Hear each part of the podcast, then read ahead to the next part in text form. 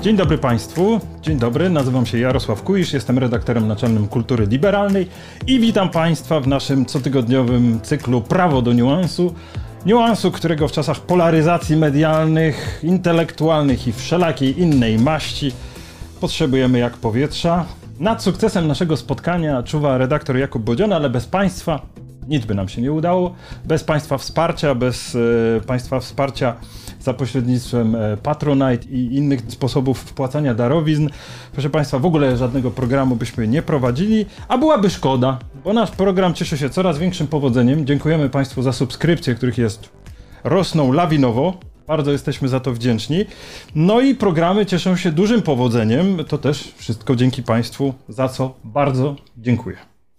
A dziś naszymi gośćmi są osoby Państwu dobrze znane. Profesor Jacek Leociak, kierownik Zakładu Badań nad Literaturą Zagłady w Instytucie Badań Literackich PAN, autor licznych książek, które, przypominam, podlinkujemy, omawialiśmy tutaj w trakcie naszych spotkań. Jedną z nich to Wieczne Strapienie.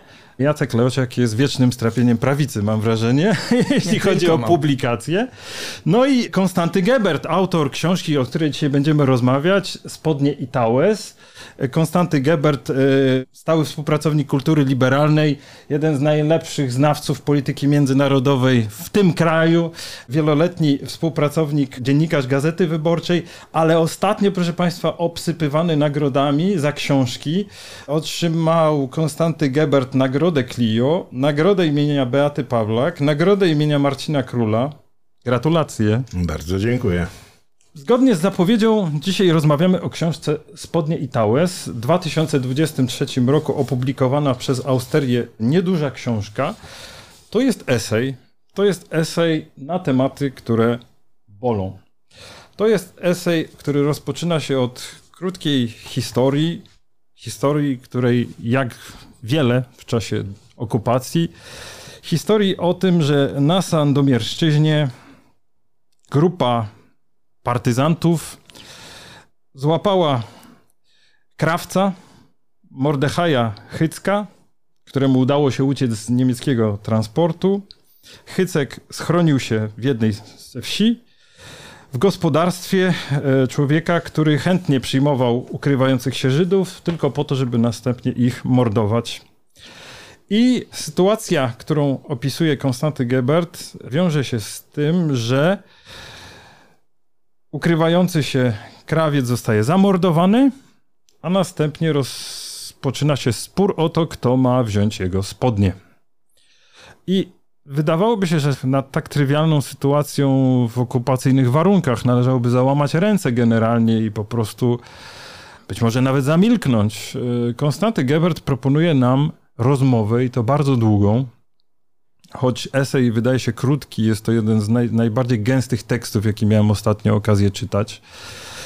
I e, jest to tekst, który zaprasza nas do rozmowy nie tylko o temacie, który no, oczywisty jest w kontekście naszej rozmowy, czyli o polskim antysemityzmie i relacjach polsko-żydowskich, ale także nad innymi pytaniami. To jest, to jest pytanie o to, komu można zaufać w ekstremalnych warunkach, w sytuacjach nie, niecodziennych, czy też wreszcie o no tu już, proszę Państwa, jest to najcięższego kalibru pytanie o miejsce Boga po Holokauście. I tutaj Konstanty Gebert także nas zaprasza do rozmowy. Więc są to no, najcięższego kalibru tematy, ale proszę Państwa, ja bym powiedział, nareszcie, tak? To są tematy, o których należy rozmawiać, o których się nie należy obawiać, a książka, dodam, jest tak pięknie literacko napisana, że po prostu zachęcam Państwa do jak najszybszego po prostu sięgnięcia po nią, bo jeżeli komuś nie obce są rozmowy na naprawdę ważne tematy dla nas, nie tam jakiś zgiełk medialny,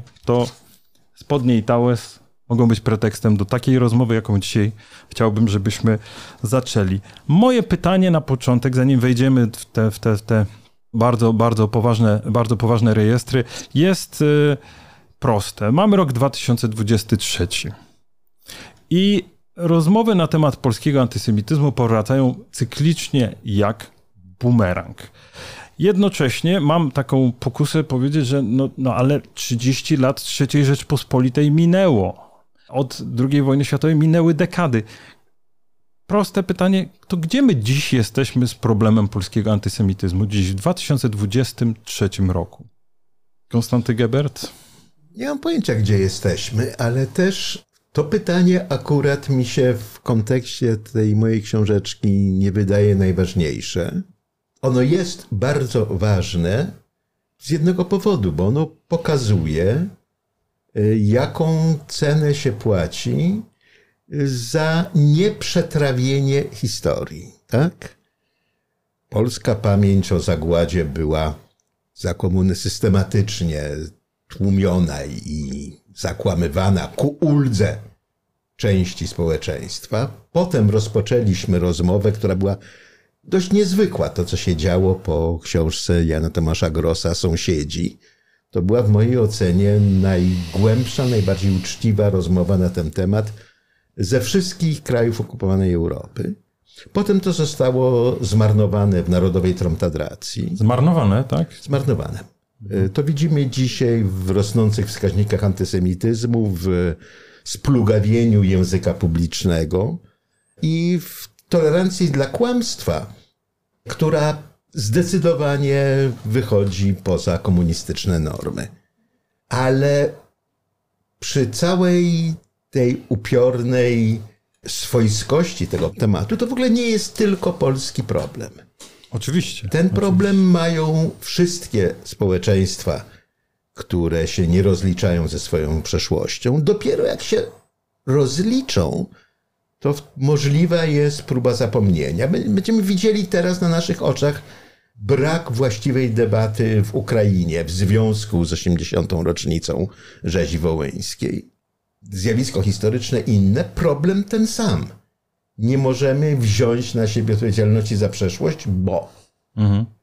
Natomiast y, ta moja książeczka wychodzi od, od faktu, który jest, no, wynika z y, powszechnego w okupowanej Polsce antysemityzmu, ale traktuje o czymś innym. Ja próbuję w niej dojść do tego, jak ludzie ustalają, co jest, a co nie jest właściwym sposobem postępowania i czy w tej próbie ustalenia teksty święte mogą być pomocą. I to mnie zajmowało, tym, tym się chciałem zająć.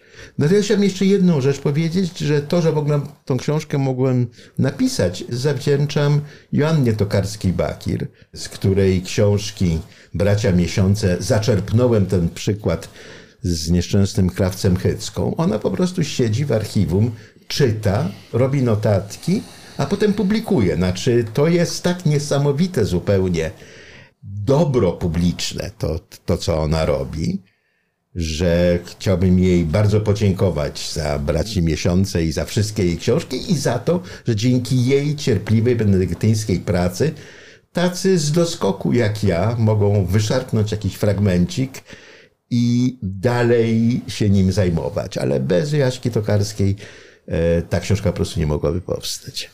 Zanim przejdziemy do rozmowy o książce, która jest według mnie no, książką taką bezprecedensową w tym e, obszarze refleksji e, nad zagładą, bardzo głęboko pojętej, wpisanej właśnie no, w taką metafizyczną refleksję, to bym chciał wrócić do bieżącej sytuacji, mhm. takiej tej wyborczej, kampanijnej i do tego pana pytania o, o to, gdzie jesteśmy z antysemityzmem, prawda? To takie dwa dwa, no, no kilka, kilka takich refleksji jakby poprzedzających tą głęboką naszą rozmowę. No ja myślę, że jesteśmy w tym samym miejscu, w którym byliśmy od zawsze, że tutaj się mało posunęliśmy i widzimy to na, na, na, na takich oto przykładach, że ten antysemityzm dzisiaj on przestaje być takim klasycznym antysemityzmem, czyli tą nienawiścią skierowaną do Żydów właśnie jakby, no tych Żydów nie ma, prawda? Oni oczywiście są fantazmatycznie, to są jeszcze gorsi, no bo, no bo są wszędzie i, i, i każdy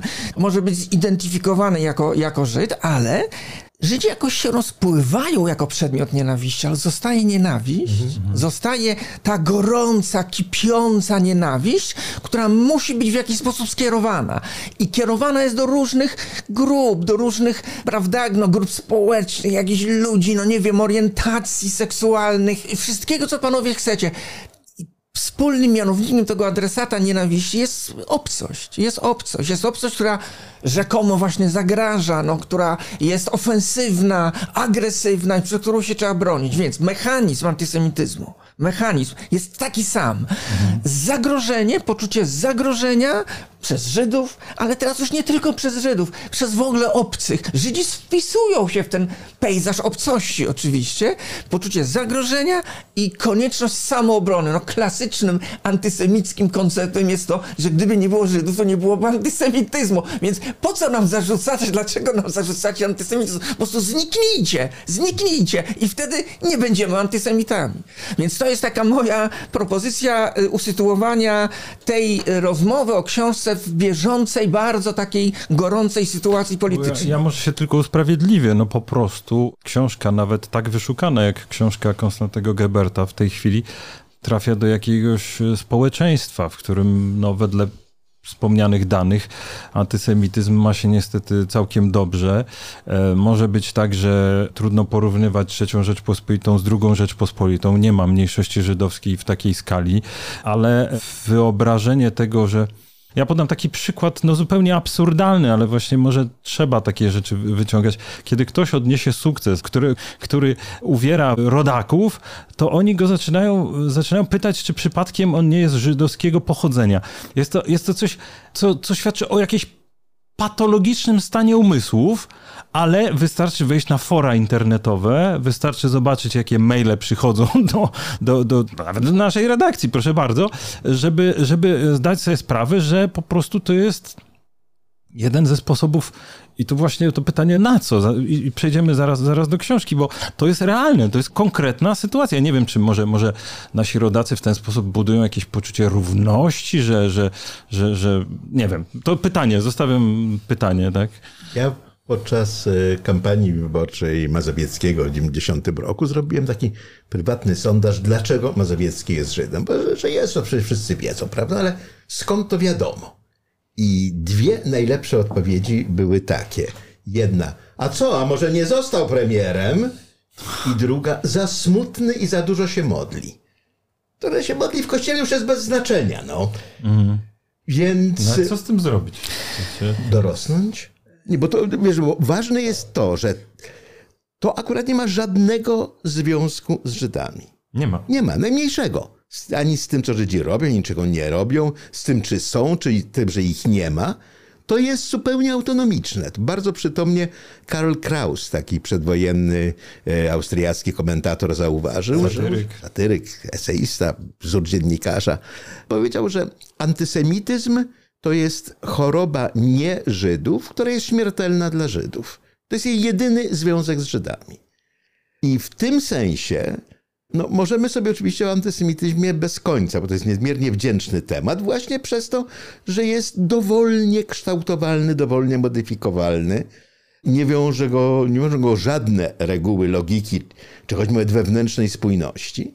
Tyle, że ja myślę, że to już jest najwyższa pora, żeby zamiast mówić o antysemityzmie, no coś z tym fantem zrobić na przykład go sobie nie życzyć. No tak, nie życzymy sobie antysemityzmu, ale musimy rozpoznać źródła, z których on wyrasta.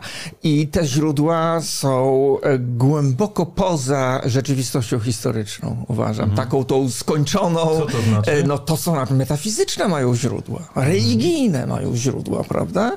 I, i, i mi się wydaje, że książka Kostka w jakiś sposób proponuje rozmowę na tym poziomie, prawda? I ja myślę, że my tu będziemy w sporze jeśli mhm. chodzi o, o twoją książkę, ale mhm. to znakomicie, bo właśnie o to, no o to, nam, o to nam chodzi. Ale, ale chyba jesteśmy zgodni w tym, że pytanie o antysemityzm to jest jakby ostatnie ogniwo łańcucha rozumowania, ostatnie ogniwo, mhm. które może być traktowane bardzo praktycznie, właśnie tak jak mówisz, coś trzeba z tym zrobić, edukacja, zawsze powtarzamy, no opanowanie tych namiętności politycznych i tak społecznych, no y, y, trzeba wyjaśniać ludziom, że Żydzi nie są przecież wielbłądami, że, że, że są normalnymi ludźmi, ale to jest ostatnie ogniwo łańcucha. Trzeba zacząć od źródeł. I mi się wydaje, że twoja książka też proponuje spojrzenie w tym kierunku. Spokojne, spokojny namysł nad tekstami świętymi, prawda? I mi się wydaje, że to, to jest dla mnie najbardziej fascynujące, mówię w twojej książce. To jest fascynujące, a jednocześnie otwiera, mówię o swoich, że tak powiem, o swoich wrażeniach lekturowych. Otwiera, znaczy ja się poczułem na takim, wyniesiony na taki szczyt skalistej góry i stoję nad przepaścią i ta otchłań pode mną jest nieogarniona. Ja nie, nie, widzę dna, prawda? Ale wiem jednocześnie, że z tego szczytu trzeba zacząć rozmawiać. Chybocząc się tak na, na grani. O, tak bym to, mhm. tak bym to, to ujął. Wobec tego wejdźmy do książki razem z naszymi widzami, słuchaczami. Mamy, mamy, mamy tę przypomnianą historię krawca, który, który prawda, ucieka z transportu, trafia do gospodarstwa wiejskiego, gdzie generalnie człowiek, który go przyjmuje, od razu chce go zamordować i przywłaszczyć majątek, e, nie ma co do tego złudzeń. I Konstanty Gebert proponuje nam rozważenie tej sytuacji dosłownie jak pod e, mikroskopem, to znaczy, żebyśmy obejrzeli każdy element tej układanki relacji międzyludzkiej, a także weszli nawet w głowę tego, tego nieszczęsnego krawca, e, który musiał w sytuacji zagrożenia życia podjąć no, natychmiastowe decyzje i jakie było pole wyboru jego. I teraz e, pytanie do, do Jacka Leociaka, gdzie ten spór miałby być z autorem? Ponieważ Konstanty Gebert proponuje coś znacznie większego niż zastanowienie się nad e, tą konkretną sytuacją i rozłożenie jej na czynniki pierwsze, zbadanie relacji takich psychologicznych między tymi uczestnikami tej całej sytuacji, wyważenia ich e, motywacji i tak dalej. On proponuje coś znacznie głębszego i coś znacznie coś znacznie bardziej niebezpiecznego w sensie to znaczy? intelektualnym. Znaczy? znaczy, przecież to jest książka, która tą jak e, słusznie pan powiedział, tą trywialną wojenną sytuację, ona jest trywialna dlatego, że jest powszechna że jest powszechna, że to nie jest jakiś wyjątek, jakaś niebywała sprawa, że nagle coś takiego się wydarzyło w Polsce okupowanej z Żydem, prawda? Nie, to, to, jest, coś, to jest coś właśnie powszechnego. On proponuje tą sytuację, rozważać również w porządku halachicznym, no, w porządku, dokładnie w takim samym mechanizmie interpretacyjnym, w jakim pisane, pisany jest Talmud, który rozważa konkretne sytuacje życiowe, odnosząc te sytuacje życiowe do, do tory, prawda? Do prawa. I, I to jest dla mnie, to jest ta bezprecedensowość tej książki. W polu ogromnej przecież już no, rozbudowanej refleksji nad zagładą i refleksji filozoficznej, przecież to nie tylko historycznej, socjologicznej, psychologicznej. To jest pewna nowość, bo to jest też coś innego niż na przykład budowanie teologii po zagładzie, prawda? To jest coś innego niż, tak jak Sasza Krajewski to robił, między innymi on w swoich książkach pisał o tym, jak teologia żydowska się odnosi do doświadczenia zagłady, jak się zmienia, jakie są różne modyfikacje, prawda? Nie będę o tym mówił, bo to jest bardzo rozległy temat, ale tam dodaje się jedno przykazanie, 614, y, prawda? I tak dalej, i tak. To nie jest książka o tym. Kosta o tym nie pisze. Nie. W ogóle o tym nie pisze. On po prostu proponuje nam pewien rytm, pewien, jakbym to powiedział, rytm myśli, nastrojenie myśli w takim jakby tonie, w jakim od no, trzech tysięcy lat można powiedzieć, trwa u, Żydów, trwa ten namysł nad, nad pismem. I to jest niesamowite. Zderzenie z jednej strony tej trzech tysiącletniej tradycji wnikania w sens prawa, prawda? Zderzenie tej sytuacji z tą właśnie trywialnością walki o spodnie tego biednego, tego biednego krawca. I to jest dla mnie nowość, to jest dla mnie wyzwanie, intelektualne e, i no tu właśnie, i tu jest miejsce sporu. Między nami. Ja od razu mówię o sporze, e, żeby... Znaczy, to sformułuj go. e, no, Czy to jest niedopuszczalne? Nie, nie, nie, nie. nie. E, e, Ja spróbuję to sformułować, spróbuję to sformułować. Otóż ja też jestem w pewnym procesie przecież, no. I moje życie, które, no też nie mam przecież 15 lat, no. I zajmuję się tymi sprawami zagładowymi od bardzo dawna, no od naprawdę bardzo dawna. Blisko 30 lat, więc mam też czas na ewolucję. Mam czas na ewolucję. I ja coraz bardziej się przekonuję, że właśnie odnoszenie doświadczenia zagłady do tego paradygmatu tekstów świętych, do e, myślenia kategoriami religijnymi jest chybione. No ale jeśli jest się wierzącym Żydem, ja nie chcę wyręczać Konstantego Geberta, to... Prosiliście o sformułowanie mojego stanowiska, więc usiłuję, dlaczego. usiłuję je sformułować. Dobrze. Jacku, to E, powiedz dlaczego. Ja myślę, że z dwóch powodów. Ja myślę, że z dwóch powodów. Jeden ma naturę metodologiczną.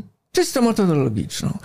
Bo ja nie pracuję na takich narzędziach. Nie potrafię pracować na takich narzędziach. One dla mnie są nie, niedostępne. Wiesz, niedostępne.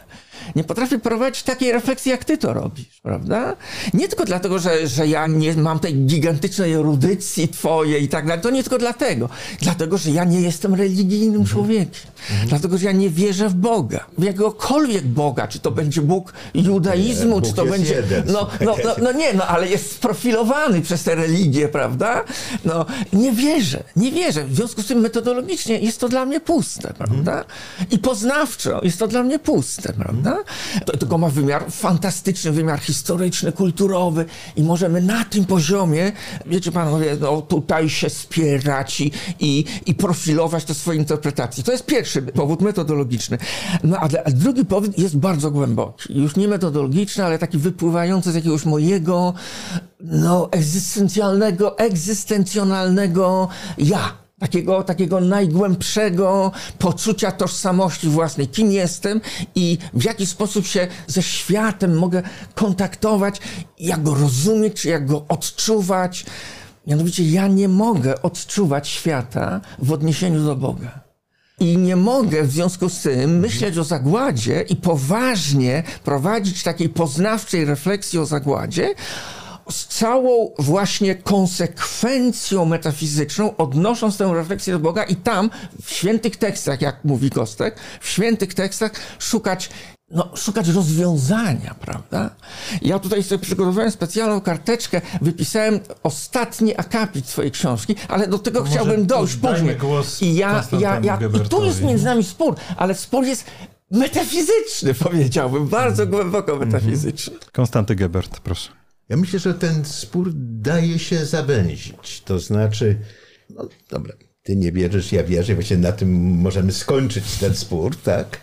Natomiast y, obaj wiemy, że zagłady doświadczyli ludzie w dużym stopniu wierzący i to, co ja próbuję zrobić w tej książeczce, to próbuję sobie wyobrazić, jaka mogłaby być ich refleksja nad ich doświadczeniem, gdyby no, dany był luksus z tego, że mogą tą refleksję prowadzić. Do tego już wiara w Boga nie jest potrzebna. Potrzebna jest znajomość tekstów oczywiście oraz przekonanie, że te teksty są sensowne. Znaczy w takim dosłownym sensie z tego słowa, czyli że zawierają sens. Tak? I tutaj myślę, że między nami nie ma sporu. Nie, tu nie. Co do drugiej kwestii, eh, chyba też nie ma sporu, tylko że go nie ma, dlatego że to jest moja klęska. E, Ja w innej książce, którą, którą wydałem w zeszłym roku o porównawczych ludobójstwach, nie dałem rozdziału o zagładzie. No wiem o tym właśnie. I nie dałem go Zauważyłem dlatego, to. że nie umiem o niej rozmawiać z Bogiem i nie umiałem napisać tego rozdziału. Więc mnie moja wiara tutaj w niczym nie pomaga. Nie mam przewagi na to, może ja o to, rozumiesz, wspierając się o wiarę, poprzez wiarę, coś mogę zrozumieć, co dla ciebie jest niedostępne.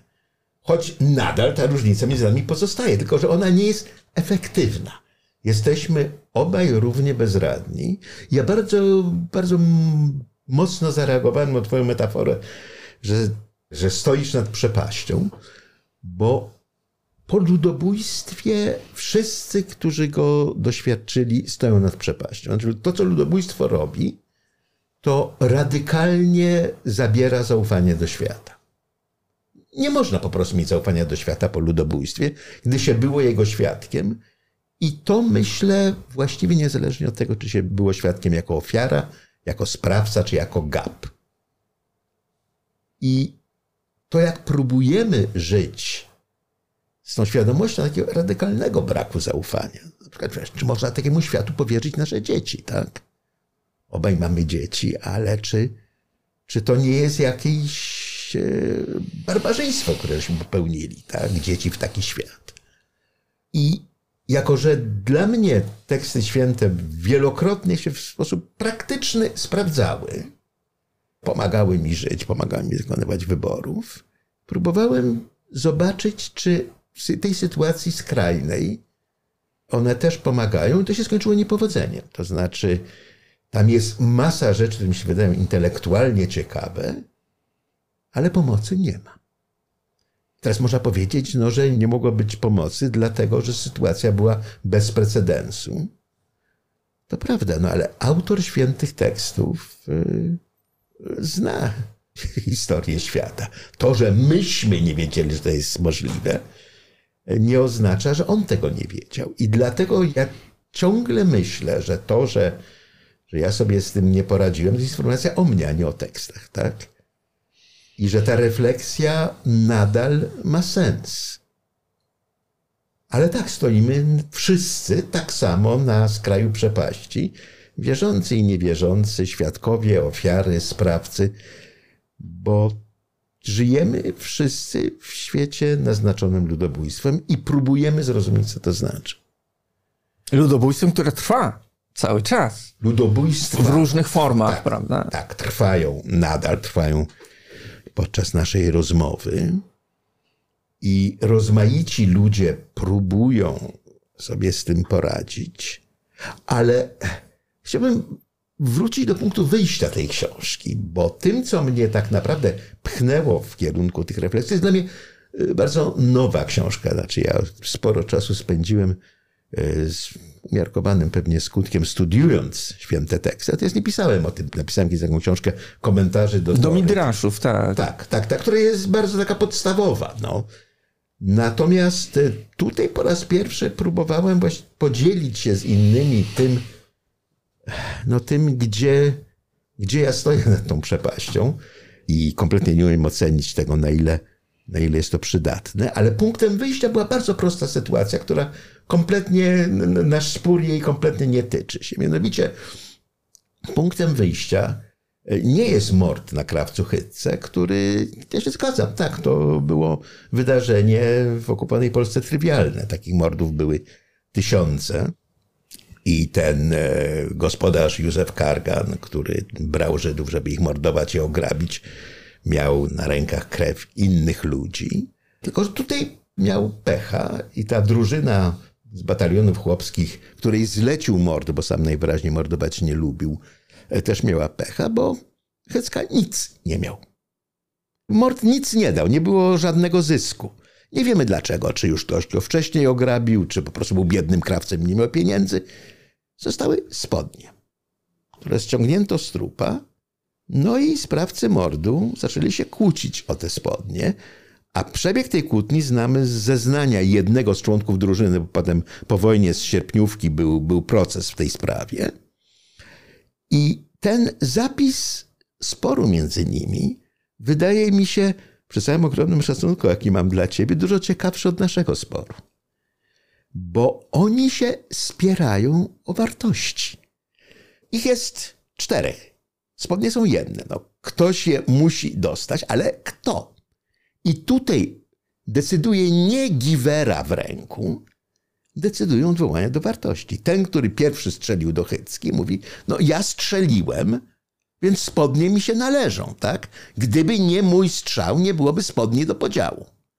To jest y, zasada, którą widzimy często w rozmaitych relacjach okupacyjnych, że sprawcy mordu Żydów uważają, że tym samym mają prawo do ich mienia, ale odmawiają tego prawa tym, którzy w mordzie nie uczestniczyli, tak? Ale drugi członek drużyny mówi, no strzeliłeś, ale nie dostrzeliłeś. Ja musiałem strzelić, żeby go zabić. Więc teraz pytanie, czy ważniejsze jest sprawstwo, czy skuteczność? Ale włącza się trzeci członek drużyny. Kiedy ty strzeliłeś, ja też strzeliłem. Więc jeżeli tobie się należą, to mnie należą się też.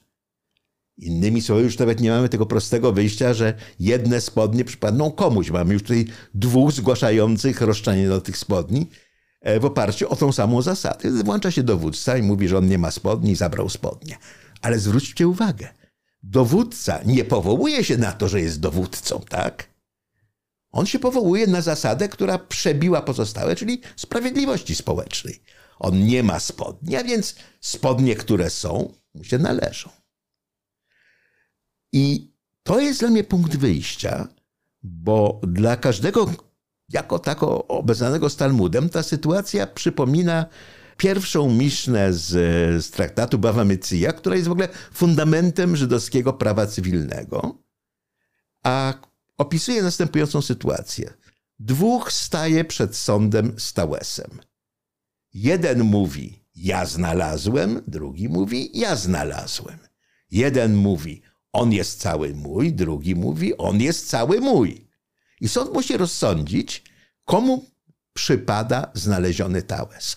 Oczywiście sytuacja wyjściowa jest inna. Ten tałes został znaleziony gdzieś na pustkowiu, a nie zabrany zamordowanemu człowiekowi. Ale sądowy spór o to, komu się tałes należy i jak to w ogóle można rozstrzygnąć, strukturalnie przypomina spór czwórki morderców o spodnie krawca Hycki. Podobnie jak te nieszczęsne spodnie. Trudno sobie wyobrazić, żeby spodnie zdarte z trupa ukrywającego się Żyda przedstawiały jakąś wartość materialną. Ale Tałes w czasach, kiedy Talmud był pisany, to nie był szal modlitewny, czasem ozdobny, jaki używam dzisiaj w synagodze, bo pończet była najbardziej codzienna część garderoby. W tym sensie ten Tałes i te spodnie są bardzo podobne, tak? Pytanie o to, komu się co należy, w oparciu o jakie zasady, jest wspólna. I tu, I tu, jeśli mogę wejść słowo, przechodzimy, przechodzimy do tego pytania, które spada na współczesność, bo Konstanty Gebert jednocześnie kieruje książkę do współczesnych czytelników. I pytanie jest mordercze, znaczy jest tak bolesne pytanie, jakie są wasze uzasadnienia dla przejęcia majątku pożydowskiego? Jakie są wasze uzasadnienia? Proszę przedstawić argumentację. I Konstanty Gebert, wychodząc od tej, tej, tej sytuacji wojennej z krawcem, przedstawia wszystkie możliwe racjonalne argumenty i w tym momencie może być to perspektywa dla ateisty także, prawda, do, do, do wzięcia i wszystkie argumenty są po prostu, rozpadają się w dłoni, znaczy są e, łącznie z, z, momentem, w którym docieramy do takiego, do takiego stwierdzenia, że następuje takie przejście. No, Konstanty Gebert robi to w sposób subtelny, tak, ale, ale, ale my tutaj musimy użyć pewnego skrótu. No jest przejście od spodni do zabitego człowieka w refleksji, ponieważ pojawia się takie zdanie, prawda, że do podobnego rozumowania odwołują się współcześnie ci, którzy nie negując, że podczas okupacji mogło dochodzić do mordowania Żydów przez Polaków, podkreślają, że to Niemcy jako władza okupacyjna poniosą za to odpowiedzialność. I teraz ta książka krótka, ale pełna pytań, to na jakiej podstawie chcecie żyć e, z czystym sumieniem po tym, co się stało. Jeżeli programowo unikacie dyskusji, właśnie uciekając się do jakichś wymian ciosów na temat antysemityzmu, braku i różnych takich, gdzie są te argumenty? No. Ja myślę, że tu jest kwestia dotycząca nie tyle tej ostatecznej instancji, która rozstrzyga o słuszności bądź niesłuszności działania podejmowanego w tej konkretnej sytuacji, ale to jest kwestia dotycząca pewnego, pewnej racjonalizacji własnych zachowań. I ja bym tu rozróżnił te dwa wymiary. Bardzo bym chciał na ten pierwszy wymiar jeszcze wejść, bardzo bym chciał, ale ten drugi, ten taki wymiar praktyczny i powiedziałbym nie religijny czy teologiczny, ale raczej psychoanalityczny, psychoanalityczne narzędzia tutaj były bardziej przydatne. Otóż jak racjonalizujemy to, co zrobiliśmy? Po prostu no, zabiliśmy Żyda, który, o którym myśleliśmy, że miał ogromne bogactwo, bo trzeba tutaj dodać, jest ta cała mitologia żydowskiego złota, prawda, że właśnie wszyscy Żydzi są nosicielami tych, tych wielkich bogactw i że, i że, i że oni... Bezprawnie zgromadzone. No, no, oczywiście, oczywiście, oczywiście, ale że, no, no, no, że tam jest to źródło. No? Wystarczy, wystarczy sięgnąć ręką i już będziemy my bogaci, wyrównamy te krzywdy, które nam nieustannie przecież ci Żydzi wyrządzają. Więc, więc e, po prostu tu jest ten poziom racjonalizacji tego mordu. Morduję, ale nie mogę znieść myśli, że to jest mord, który się gdzieś no, plasuje w takim obszarze no po prostu zbrodni. Ja nie dokonuję żadnej zbrodni. I tu są różne możliwości. Ja dokonuję sprawiedliwości, aktu sprawiedliwości społecznej, wyrównania krzywd, a również tego, że ta racjonalizacja idzie też w kierunku pewnego opisu sytuacji okupacyjnej, której punktem wyjścia jest to, że Żydzi są mordowani i to jest normalne. To jest absolutnie naturalna sytuacja.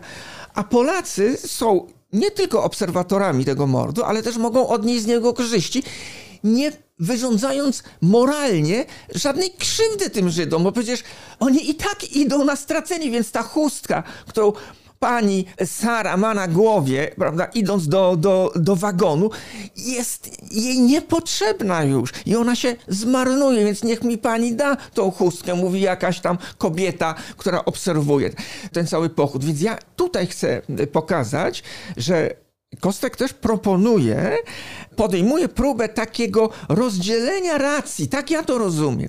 Rozdzielenia racji, ale już w wymiarze powiedziałbym czysto ziemskim, tak bym to ujął, prawda?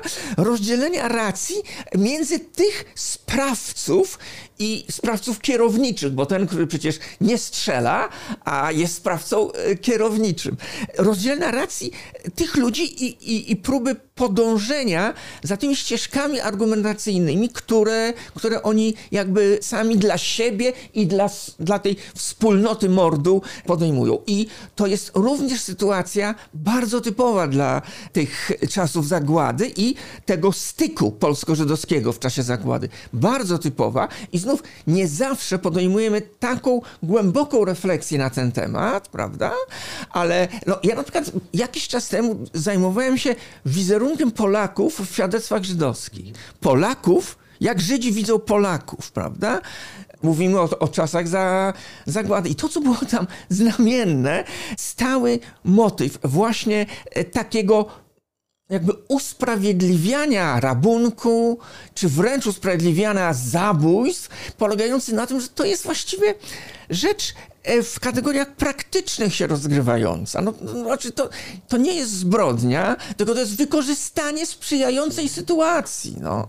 Bo przecież po co się to, to ma, ma zmarnować? A te spodnie tutaj bym powiedział, że one nie były takie bezwartościowe wtedy jednak, bo no, przy takiej no, potwornej mizerii, okupacyjnej nędzy i, i, i biedy, nawet takie spodnie ściągnięte z tego krawca miały swoją realną wartość.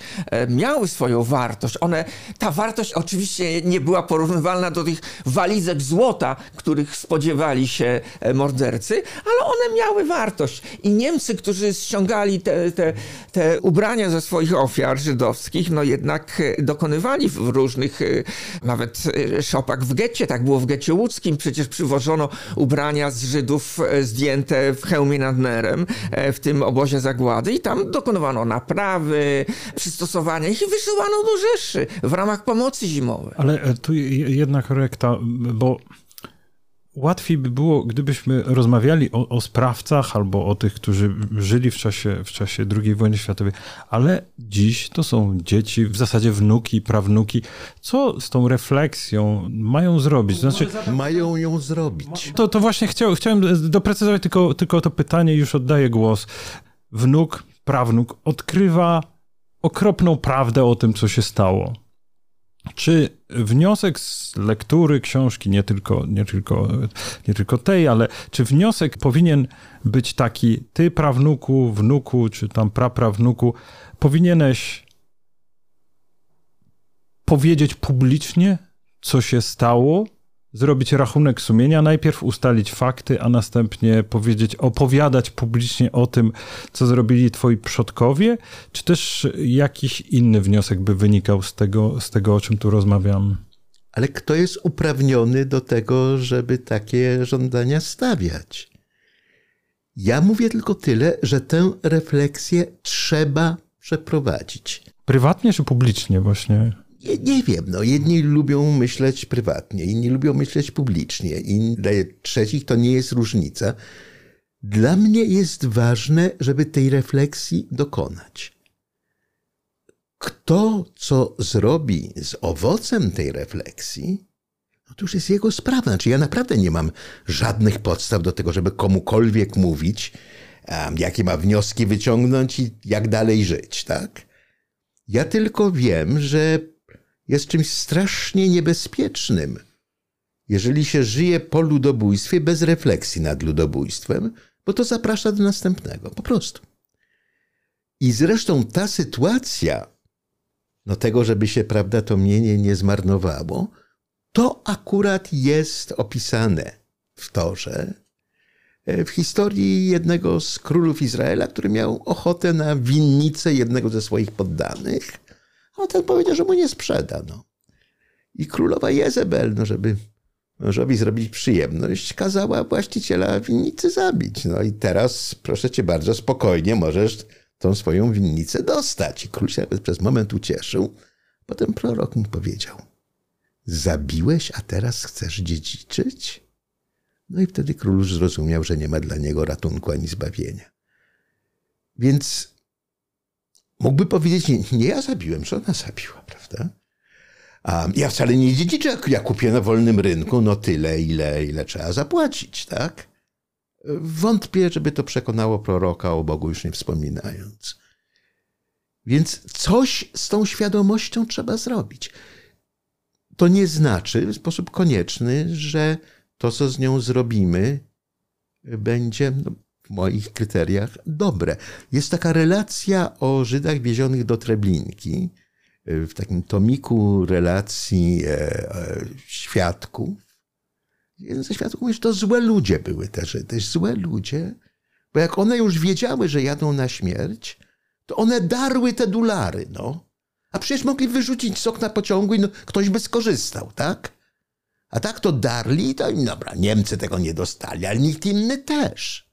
Zmarnowały się. Marnowały się, więc to byli źli ludzie. To jest jeden z możliwych wniosków, tak? Panie Jacku, to samo pytanie, bo to jest ważne. Co miałby zrobić prawnuk, e, praprawnuk, który patrzy na to, co się stało? Gdzieś tam e, ma jakiś sygnał, że coś w historii rodzinnej jest nie tak. Mamy dane dzisiaj już naukowe, to co tak prawda doprowadza niektórych do, do pasji, ale cytuję, wymowa liczb jest nieubłagana, piszą we wstępie do swojego monumentalnego studium o losach ukrywających się Żydów pod niemiecką okupacją Barbara Engelking i Jan Grabowski. Dwóch spośród każdych trzech Żydów poszukujących ratunku zginęło najczęściej za sprawą swoich sąsiadów chrześcijan. I teraz ktoś dowiaduje się o jakiejś mrocznej historii z przeszłości. No o tym Mirek Tryczyk pisze. No jak chciano wyjąłeś mi przeciwnie to nazwisko z ust. Jasne, to, to jest jeden przykład. Jeżeli weźmiemy dane, no to żaden jedna, jedna osoba sprawy tutaj nie rozwiązuje. Czy y, Jacek Leociak oczekiwałby, że wobec tego, nie wiem, jakimś takim oczyszczeniem tej debaty byłoby sięgnięcie i nie wiem, czy prawnuki, krótko mówiąc, czy prawnuki powinny wyciągać trupy z szaf y, swoich domów po tylu latach? Ja, ja powiem tak. Tutaj Kostek powiedział kilka fundamentalnie ważnych rzeczy.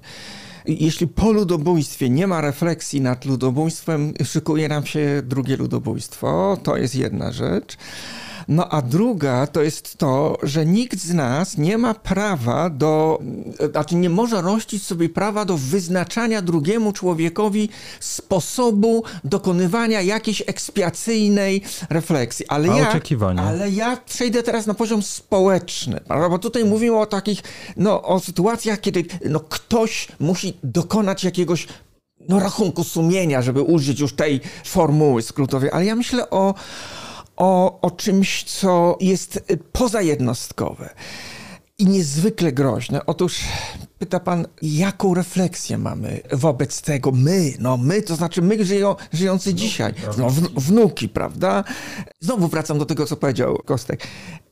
Niech będzie refleksja, tylko niech ona będzie. To, co się dzieje w Polsce i nie od y, 2015 roku, ale od bardzo dawna, to jest rozpaczliwe blokowanie refleksji, rozpaczliwe otamowywanie tego, co powinno być przedmiotem bardzo intymnej, osobistej, egzystencjalnej refleksji, ale też historiograficznej refleksji i też publicznej refleksji w sensie debaty publicznej, w otwartej przestrzeni, takiej habermasowskiej przestrzeni społecznej.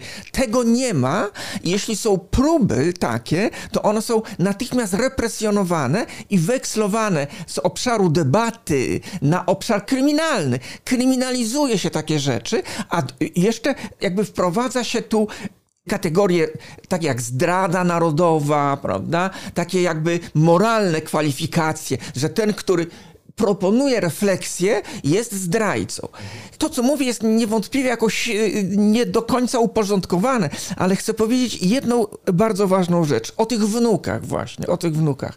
W tych wnukach ja mam takie przeświadczenie, niestety, obserwując to, co się dzieje, w tych wnukach rośnie, znaczy rozwija się ten rak on się rozwija, dlatego że nie ma żadnej profilaktyki, że nie ma żadnej próby diagnozy realnej, diagnozy nie mitologizującej historię, w której jesteśmy wszyscy uwikłani, te, te wnuki też są uwikłane, ale nie ma diagnozy no, realnej, no, diagnozy sine ira et studio przeprowadzonej, która do która może pozwolić właśnie na otwarcie tej, tego wrzodu, który w innym wypadku narasta, pęcznieje i może doprowadzić już no, no do jakichś bardzo poważnych, toksycznych, prawda, skutków. My jesteśmy zatruci. Nasza debata publiczna jest zatruta tym, że nie, nie jesteśmy w stanie mówić otwarcie o takich sprawach, o jakich pisze Joanna Tokarska-Bakir, o takich sprawach, o jakich piszą autorzy Centrum Badań nad Zagładą i autorzy tego, tej dwutomowej książki Dalej jest noc. I tylko jedno chcę powiedzieć. Ta książka Dalej jest noc nie jest książką o mordowaniu Żydów przez Polaków. Jest to książka o zupełnie o czym innym. Jest to książka o tym, w jaki sposób Żydzi starali się ratować siebie. Jakie mieli plan, strategię, prawda? Co robili, żeby się ratować. I, i, i wśród tych wśród tych różnych prób ratowania, no, dochodziło właśnie do tych morderstw, no, i uniemożliwiano przez te morderstwa, odbierano szansę ratowania, prawda? I my musimy o tym rozmawiać, a nie jakby pokrywać całą tą historię jakąś taką, wiecie panowie, taką, taką, taką kalkomanią patriotyczno-religijną, bo pod tym ten wrzód będzie cały czas pęczniał i się rozleje. Konstanty Gebert. I tutaj w ogóle nie chodzi o ofiary czy ich potomków. Ta krzywda już się dokonała, ona się nie odstanie. Nie jest możliwe zrobienie tak, żeby znowu było dobrze, tak? Żadne Wiedergutmachtung. To nie o to chodzi. To chodzi o tych wnuków, o, o, o których mówisz, bo to im to zagraża.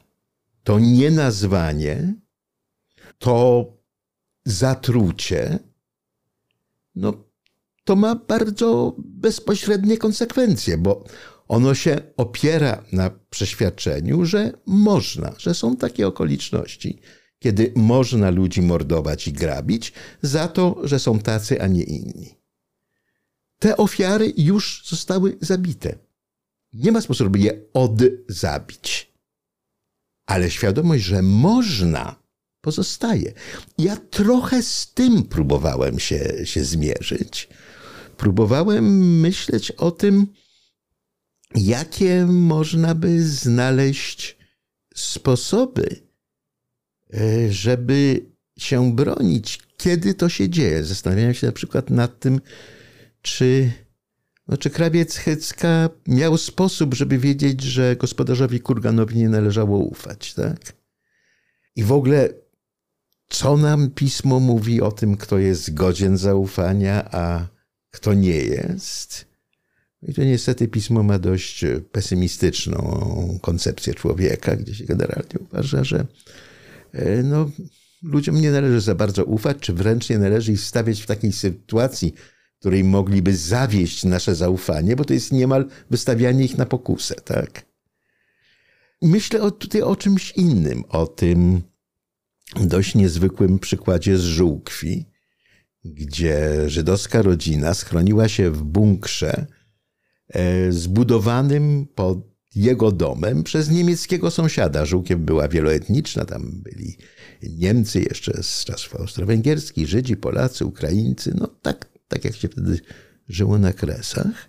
I ten niemiecki sąsiad ich zaprosił, że ich tutaj schowa i rzeczywiście schował. No nie przewidział, że w Żukwi wybuchnie pożar, który zagrażał także jego domowi, więc bunkier trzeba było ewakuować. Ale ten niemiecki sąsiad przewidział, że może być konieczna ewakuacja bunkra i był nawet bunkier zapasowy. Mały, ciasny, nie taki wygodny jak ten, w którym ta rodzina przedtem mieszkała, ale ich przeprowadził do bunkra zapasowego. I dopiero po fakcie okazało się, że jednej osoby brakuje, 15-letniej dziewczyny, która tak bardzo bała się płomieni, że uciekła do miasteczka. Wolała zaufać ludziom niż płomieniom. I oczywiście została wydana Niemcom, którzy ją natychmiast zabili. Więc moje pytanie brzmi, jak uczyć dzieci, że są takie sytuacje, w których raczej należy ufać płomieniom niż innym ludziom, tak? Czy jest coś z tego doświadczenia, y, co możemy wykorzystać do tego, żeby próbować, tak jak mówiłeś, no, bronić się i ratować życie, jeżeli, jeżeli do tego dojdzie. Kimkolwiek byśmy nie byli, to nie jest tylko żydowskie pytanie. Czy też całe to doświadczenie ulega zmarnowaniu? No ja muszę powiedzieć, że jest taki cytat, który, który na zajęciach przywoływałem często, który odpowiadał trochę na takie proste pytanie ludzi, którzy dopiero wchodzą do tej debaty. Znaczy jakby spotykają się z tematem i e, no nie jedna osoba, no bo to, to często jest tak, że nagle dostaje ktoś e, frontalnie zdanie choćby Izraela Kaca, tak, że Polacy wyssali antysemityzm z mlekiem matki i reakcja jest obronna oczywiście na, na tego typu sformułowanie. Potem e, wśród reakcji obronnych mamy jeszcze jedną, przecież to nie ja zrobiłam, zrobiłem, to było dawno temu. I e, rodzi się takie, takie pytanie, to co my mamy zrobić, dlaczego mamy się tym tematem zajmować, skoro w gruncie rzeczy dotyczy osób, które już nie żyją, e, relacji polsko-żydowskich, które na co dzień też nie przyjmują takiego kształtu jak II Rzeczpospolitej i że generalnie to na co dzień mamy inne zmartwienia. I muszę powiedzieć, że jest ten tekst Hany Arendt sprzed dekad, który zawsze pozwala jakoś zaprosić do rozmowy osoby młodsze, mianowicie tekst odpowiedzialności za to, czego się nie zrobiło. Ja może tu za zacytuję ten, ten dosłownie krótki fragment. Hannah Arendt esej o odpowiedzialności zbiorowej zaczyna się od następujących słów. Istnieje coś takiego jak odpowiedzialność za rzeczy, których się nie zrobiło. Można za nie odpowiadać, ale nie ma czegoś takiego jak wina czy poczucie winy z powodu czegoś, co się wydarzyło bez naszego czynnego w tym udziału. To ważna sprawa, zasługująca, by mówić o niej głośno i wyraźnie w chwili, gdy tylu dobrych białych liberałów przyznaje się do wyrzutów sumienia w związku z kwestią murzyńską. Nie wiem, jak wiele historycznych precedensów mają takie źle ulokowane wyrzuty sumienia. Wiem natomiast, że w powojennych Niemczech, gdzie podobne problemy pojawiały się w następstwie tego, co hitlerowski reżim zrobił z Żydami, hasło wszyscy jesteśmy winni, zrazu brzmiące tak szlachetnie i nęcąco, w istocie posłużyło w dużej mierze do rozgrzeszenia prawdziwych winowajców, bo tam, gdzie wszyscy są winni, nikt nie jest winny. Puenta była taka, tu już w skrócie, że ponosimy odpowiedzialność za rzeczy, których nie zrobiliśmy, bo jesteśmy członkami jakiejś wspólnoty, czy to, czy to wspólnoty narodowej, czy społeczeństwa, czy rodziny i to nie oznacza, że jesteśmy winni w sensie prawnokarnym. To oznacza, że w każdej w zasadzie sytuacji, czy byśmy chcieli zostać Francuzem, Niemcem, czy inne pokusy mielibyśmy, jakiś element odpowiedzialności za tę wspólnotę na nas spada, jeżeli chcemy być jej, jej e, członkami. Co tak, panowie na tak, to? Jak muszę to powiedzieć, bo ja tutaj się aż gotuję, co fantastycznie się rozwija ta rozmowa. No musimy zmierzać do końca. Ale, tak. A tak. tak. Tak, w punktach. No, kwestia relacji między winą i odpowiedzialnością. To jest fundamentalna sprawa. Pierwszą poważną pracą filozoficzną po wojnie, którą napisał Jaspers, to jest traktat, rozprawa o winie niemieckiej. Prawda? I tam można powiedzieć, że to rozróżnienie, rozwarstwienie, on tam prowadzi taką typologię winy, dochodzi do winy metafizycznej, do pojęcia winy metafizycznej, to powinno rozjaśnić te, te, te relacje. Ale ja bym nawiązał tutaj bezpośrednio do tego y, naszego polskiego tu i teraz, bo to jest rzeczywiście chyba bardzo, bardzo ważne. No jeśli pan się pyta tak, no co ten wnuk ma powiedzieć, który tak ani nikogo nie zamordował, ani nikogo nie okradł, prawda? I właśnie czy się ma poczuwać właśnie do winy, czy do odpowiedzialności? Jest oskarżany, że wyssał antysemityzm z mlekiem. No i jest poza tym oskarżany, że tak, że, że wyssał antysemityzm z mlekiem matki. Ja bym proponował myślenie w takim kierunku. Oczywiście on nie jest winny i to wiemy ani nie jest winny w wymiarze prawnokarnym, prawda? Ani nie jest winny w wymiarze moralnym, nie jest winny w wymiarze moralnym, może być winny w wymiarze e, metafizycznym, tak jak e, pojmował to Jaspers, mówiąc jednym zdaniem i upraszczając skrajnie, skoro należymy do ludzkiej wspólnoty, to to wszystko, co rani tę wspólnotę i czemu nie jesteśmy w stanie zapobiec, to jest nasza wina metafizyczna. Ale to nie o takiej winie mówię, ale on jest, ten wnuk jest odpowiedzialny. I teraz bycie odpowiedzialnym to jest jeden z, jedna z cech dojrzałości. Człowiek dojrzały przyjmuje na siebie odpowiedzialność, prawda? I to, co jest dramatem polskiej sceny politycznej, społecznej, to jest ta permanentna niedojrzałość, to chronienie się, nie wiem, w, w naiwność, w dzieciństwo, w legendy, w baśnie, w mitologię, które nas od odpowiedzialności zwalniają. I to jest przyczyna tego, że debata o tych czarnych kartach zagłady, bo no, o tym mówimy, ale przecież moglibyśmy mówić o wielu innych jeszcze problemach, które wymagają takiego stanięcia wobec własnej odpowiedzialności, to tamowanie tej debaty to jest jednocześnie e, jakby no, tamowanie tego procesu dojrzewania. Nigdy nie będziemy dojrzałym społeczeństwem europejskim, europejskim w sensie no, dzielenia pewnych wartości europejskich, prawda? Nie wyrastających tylko i wyłącznie ze źródeł religijnych, ale też z tych naturalnych, prawda? wartości humanistycznych i tak dalej, i tak dalej. Nie będziemy nigdy dojrzałym społeczeństwem, jeżeli nie będziemy mogli prowadzić tego procesu dojrzewania również poprzez zmierzenie się z odpowiedzialnością, tak pojętą, o jakiej pisała Arendt, z odpowiedzialnością za zagładę. E, mówiliśmy o wartościach materialnych spodni, prawda? I o tym, że w ogóle cała historia rzeczy żydowskich, czy mienia żydowskiego jest no, kluczową dla zagłady, bo już Rachela Auerbach w dzienniku swoim 42 roku w, w Warszawie pisała, że ten cały mord na Żydach ma absolutnie wymiar materialny, że to jest wielki, wielki rabunek i Non Ali... omnis moriar moje ziemskie No właśnie to. I, i, I, historycy niemieccy, Goetz Ali jest jednym z tych, którzy, którzy właśnie bardzo dokładnie opisują ten wymiar materialny tego, tego mordu. W związku z tym Odpowiedzialność polega na tym, żeby wyjść, przekroczyć tą granicę dzieciństwa, gdzie zadawalamy się baśniami o nas samych, prawda? A wkroczyć w obszar dojrzałości, który polega na tym, że musimy podejmować e, bardzo trudne wybory dotyczące, no, po prostu rozumienia naszej historii. I jeśli mamy się powoływać na jakieś takie cytaty, które są jakby no, takimi złotymi myślami, to ja bym się z kolei odwołał do, do, do Kazimierza Wyki i do jego tekstów, które pisane są na granicy wojny i, i, i pierwszych miesięcy po, po wojnie do gospodarki wyłączonej, gdzie on, pisze on coś takiego, co właściwie wszyscy historycy zagłady zajmujący się tym wielkim rabunkiem no, mogą postawić jako motto, prawda? Że Niemcy, parafrazuję oczywiście w tej, Niemcy załatwili za nas tą, tą kwestię żydowską. Oni wymordowali tych Żydów, my byśmy tego nie zrobili, bo jesteśmy chrześcijanami, bo, bo takimi metodami się bronimy, ale cała korzyść spływa na nas.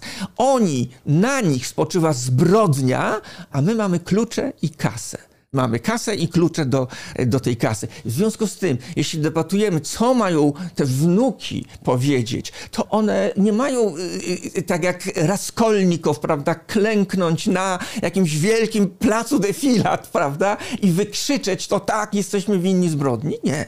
Mają po prostu dojrzewać do tego, żeby być odpowiedzialni wobec własnej historii i tej historii nie można- zakłamywać. Ja się zastanawiam, czy to można zrobić tak, jak Konstanty Gebert proponował w cichości, czy powinno być częścią debaty, bo jeżeli ma być częścią debaty, Dla to częścią powinno debaty. być e, upubliczniane.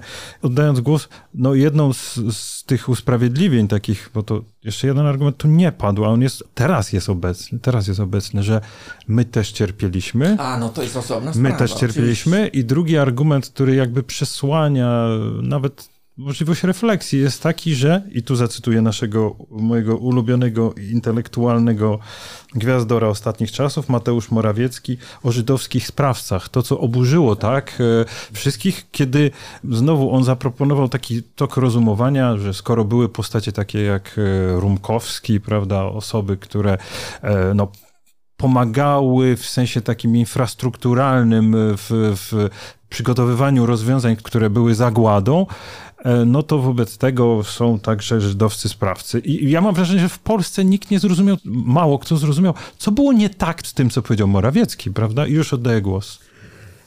No tak, to jest cały, cały ocean do przepłynięcia No tak, teraz. tak. A ja jeszcze chciałem o twojej książce powiedzieć. Ja właśnie chciałbym też powiedzieć o mojej książce, bo ona jest nie o tym, o czym rozmawiamy. Ale jest w, w tym kontekście się sytuuje, no, o którym Nie, rozmawiamy. ale to pokazuje, jak bardzo niezałatwione mamy to, o czym rozmawiamy. I moja książka nie pomoże załatwić. Znaczy, to ona nie zawiera odpowiedzi. Ona, ona próbuje stawiać pytania, także i takie, które nie były postawione, myślę, ale ona w ogóle nie jest pomocna. Ja nawet myślałem, że może mnie pomoże, bo ja na ogół, jak nie wiem, co myślę na jakiś temat, to piszę o tym. I pisanie jest bezlitosne. No, no tutaj mam, mam więcej pytań i ciekawszych, ale mniej odpowiedzi. Ale chciałbym wrócić do tego, że po pierwsze to nie my, to Niemcy, prawda? Co jest y, tą racjonalizacją, która funkcjonowała już znakomicie podczas wojny i która dzisiaj nadal jest przywoływana, że Niemcy jako mocarstwo okupacyjne no, ponoszą odpowiedzialność za to, co się działo. E, Mówiący nie zdają sobie zapewne sprawy, że jeżeli tak, no to za rzeź wołyńską też odpowiadają Niemcy, a nie Ukraińcy, prawda? Ale ja miałem okazję rozmawiać z premierem Szamirem wkrótce po tym, jak on jako pierwszy powiedział to, że Polacy wysysają antysemityzm z mlekiej matki. Powiedziałem, że no, Żyd nie może mówić stwierdzeń rasistowskich, że to jest samobójcze. Na co Szamir mi odpowiedział arcyczystą polszczyzną, panie, a co ja mam mówić, jak mi zabili ojca? No i się oczywiście zamknąłem, ale tym, którzy się oburzają na to stwierdzenie, zasadnie, bo jest oburzające, chcę powiedzieć, że, że mają może interes w tym, żeby wycofać oburzenie, bo jeżeli Polacy wysysają antysemityzm z mlekiem matki, no to przecież na Boga nie są za niego odpowiedzialni, tak? Że nie mamy się w ogóle do czego ustosunkowywać i z czego rozliczać. Tymczasem mamy. Mamy, bo nie ma żadnej zbiorowej winy, nawet i w przypadkach rzeczywistych zbrodni e, winy są zawsze indywidualne i tak w tym procesie o mord Krawca Chycki w Barszczówce, no sąd orzekał w poszczególnych, indywidualnych wypadkach, różnicując karę w zależności od czynów. Innej winy nie ma. Ale tak w takim stopniu, w jakim jesteśmy współuczestnikami, w takim stopniu dziedziczymy odpowiedzialność. I pytanie proroka zabiłeś, a teraz chcesz dziedziczyć, tutaj pozostaje ważne. O ile bierzemy na siebie to brzemię? Chcę przypomnieć to, co mówił Kwaśniewski w swoim wystąpieniu w Jedwabnem. Mówi, że mówię w imieniu wszystkich tych, których dusza została poruszona, których sumienie zostało poruszone tą zbrodnią. E, I to była znakomita formuła, która pozwoliła odrzucić to, że on narzuca całemu narodowi odpowiedzialność. Nie. Odpowiedzialni są ci, których sumienie zostało poruszone. Nigdy go to nie zapytałem, ale myślę, że on tutaj odwoływał się bezpośrednio do wypowiedzi ówczesnego księdza proboszcza z Jedwabnego, księdza Orłowskiego, który w wywiadzie dla telewizji polskiej, zapytany przez dziennikarkę, no, czy on jako proboszcz od 30 lat w tym miasteczku, oczywiście już w okresie powojennym, czy kiedykolwiek ktoś mu się w spowiedzi przyznał do udziału w tej zbrodni, ksiądz proboszcz odpowiedział, że oczywiście nie może odpowiedzieć, bo obowiązuje tajemnica spowiedzi, ale cytuję, jedno pani redaktor mogę powiedzieć, ani jedno sumienie nie zostało poruszone. Najgorsze jest to, że on być może mówił prawdę, tak? Ani jedno sumienie nie zostało poruszone. To jest częścią naszej zbiorowej odpowiedzialności. Ja myślę, że my wszyscy powinniśmy być przerażeni, a nie nieporuszeni. I że w tym przerażeniu różnice między potomkami ofiar, sprawców i gapiów są drugorzędne, bo przerażenie jest wspólne. Przerażenie nami samymi. I to, co próbowałem zrobić w tej książce, to jakoś uspokoić to przerażenie chyba mi się nie udało. Nie, na pewno ci się nie udało. Mogę? Ostatnim słowem już. Ostatnim słowem, no, tutaj sobie przygotowałem całą właśnie większą wypowiedź, ale, ale postaram się to bardzo szybko skrócić. Nie udało ci się uspokoić. I ja odchodzę po lekturze tej książki właśnie z, z pomieszaniem i z niepokojem. Ty piszesz na samym końcu tak. Mojżeszowa obietnica ma sens jedynie w ramach objawienia. Aby ją odbudować, czyli tą mojżeszową obietnicę, trzeba znów móc zaufać i objawieniu, i ludziom. I teraz ja jestem w strasznej rozterce. Bo ja tak, ja objawieniu zaufać nie mogę, bo dla mnie ono jakby jest poza moim, moim horyzontem, prawda? I teraz oczywiście zaufać ludziom pozostaje. Zaufanie jest jednym z podstawowych tematów tej książki. To jest książka o tym, co to znaczy zaufanie, i kogo można obdarzyć zaufaniem i czy w ogóle kogokolwiek można obdarzyć zaufaniem. I ostatnie zdanie. Ta książka wywołuje we mnie pomieszanie i niepokój, ponieważ stawia mnie w takiej, w takiej, w takiej przestrzeni aporetycznej. To jest aporia, bo ja oczywiście, ja, ja zaufać mogę tylko ludziom, prawda? Ale przecież ja im zaufać nie mogę.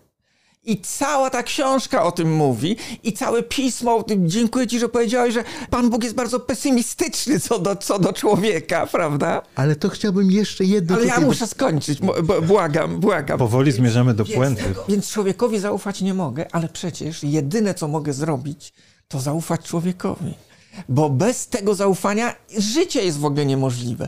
Więc jestem w kleszczach apory. Zaczekaj, to tutaj się możemy spotkać. Jest taki wspaniały midrasz o tym, jak to Pan powiedział aniołom, że zamierza stworzyć człowieka.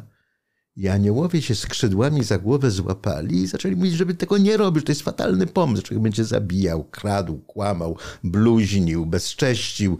No, a co Bóg powiedział? Tak, ja to wszystko wiem, a mimo tego go stworzę. Innymi słowy, to, co Bóg o nas wie, nie kończy się na tej liście, którą wypowiedziały anioły, tego wszystkiego, co potrafimy zrobić złego i zbrodniczego. Jeżeli nas stworzył, to dlatego, że uważał, że zaufał, że oprócz tego zła jesteśmy też w stanie czynić dobro. I najwyraźniej jest tak, że dobro swobodnie wybrane wprowadza do wszechświata coś, czego nie mogą wprowadzić ani aniołowie, ani sam Stwórca. I dlatego myślę, że taka rozmowa jak nasza ma sens, bo ja się bardzo cieszę, że, że podzielasz moje, moje zamieszanie i zmieszanie, bo czuję się z tym trochę bezpieczniej, ale ta rozmowa pokazuje nie tylko bezmiar zła, do którego jesteśmy zdolni i przed którym się bronimy wyparciem, ale pokazuje też, że mamy możliwość zrobienia czegoś, czego nie może zrobić nawet Stwórca Wszechświata, czyli w ten wszechświat wnosić dobro swobodnie wybrane.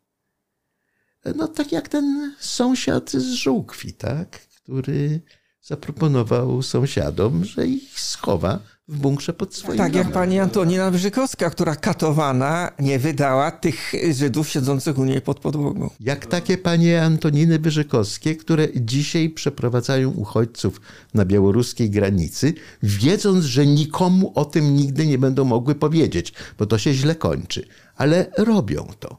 I ja się z tobą zgadzam. Świat bez pani Wyżykowskiej nie zasługuje na to, żeby w nim żyć. Ale pani Wyżykowska jest w tym świecie. Proszę Państwa, ostatnie słowo Konstanty Gebert, cytat. Chciałoby się, żeby to, czego dowiadujemy się o ludziach, pozostało tajemnicą. Nie tyle nawet z obawy przed imitacją, co z odrazy, że należymy do tego samego, co drużyna gatunku, ci, którzy mordowali.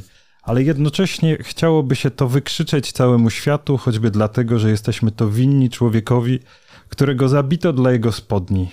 Biada nam, gdy mówimy, biada nam, gdy milczymy. Dziękuję za tę rozmowę dzisiaj. Dziękuję. E, jeszcze raz przypomnę, Konstanty Gebert, Spodnie i Tałes, e, Jacek Leociak, Wieczne Strapienie i ostatnia Ja książka. jako wieczne strawienie. Jaka jeszcze książka ostatnio? No zapraszamy do nieba, zapraszam do nieba Tak, wszystkich. przypominam, że rozmawialiśmy o, o Zapraszamy do nieba w naszym programie. Tak. Konstanty Gebert, Pokój z widokiem na wojnę, historia Izraela. I jeszcze raz dziękując za naszą rozmowę, pożegnam się także z Państwem. Prawo do niuansu jest czwartkową odmianą wideo podcastu Kultury Liberalnej. Już jutro Jakub Bodziony będzie rozmawiał o sprawach zagranicznych, a naszego programu mogą Państwo posłuchać, e, no obejrzeć, prawda, na YouTubie w czwartki wieczorem, a posłuchać w ulubionych serwisach streamingowych na Spotify i w innych miejscach. Tam prosimy o ocenianie i recenzowanie naszych programów, ponieważ to naprawdę uruchamia algorytmy. Można wtedy dotrzeć do większego grona publiczności, a jak się okazuje, dużo osób jest zainteresowanych poważnymi rozmowami i e, warto, żebyśmy do nich e, również e, docierali. I to, proszę Państwa, raz jeszcze z podziękowaniem za to, że nas wspieracie, zarówno dobrym słowem, jak i finansowo w tych trudnych czasach. Za to z całego serca Państwu dziękujemy. Ja jeszcze raz dziękuję moim rozmówcom, Konstanty Gebert, Jacek Leociak i zapraszam na następną Dziękuję rozmowę. bardzo za super rozmowę. Dziękuję Dzięki. pięknie.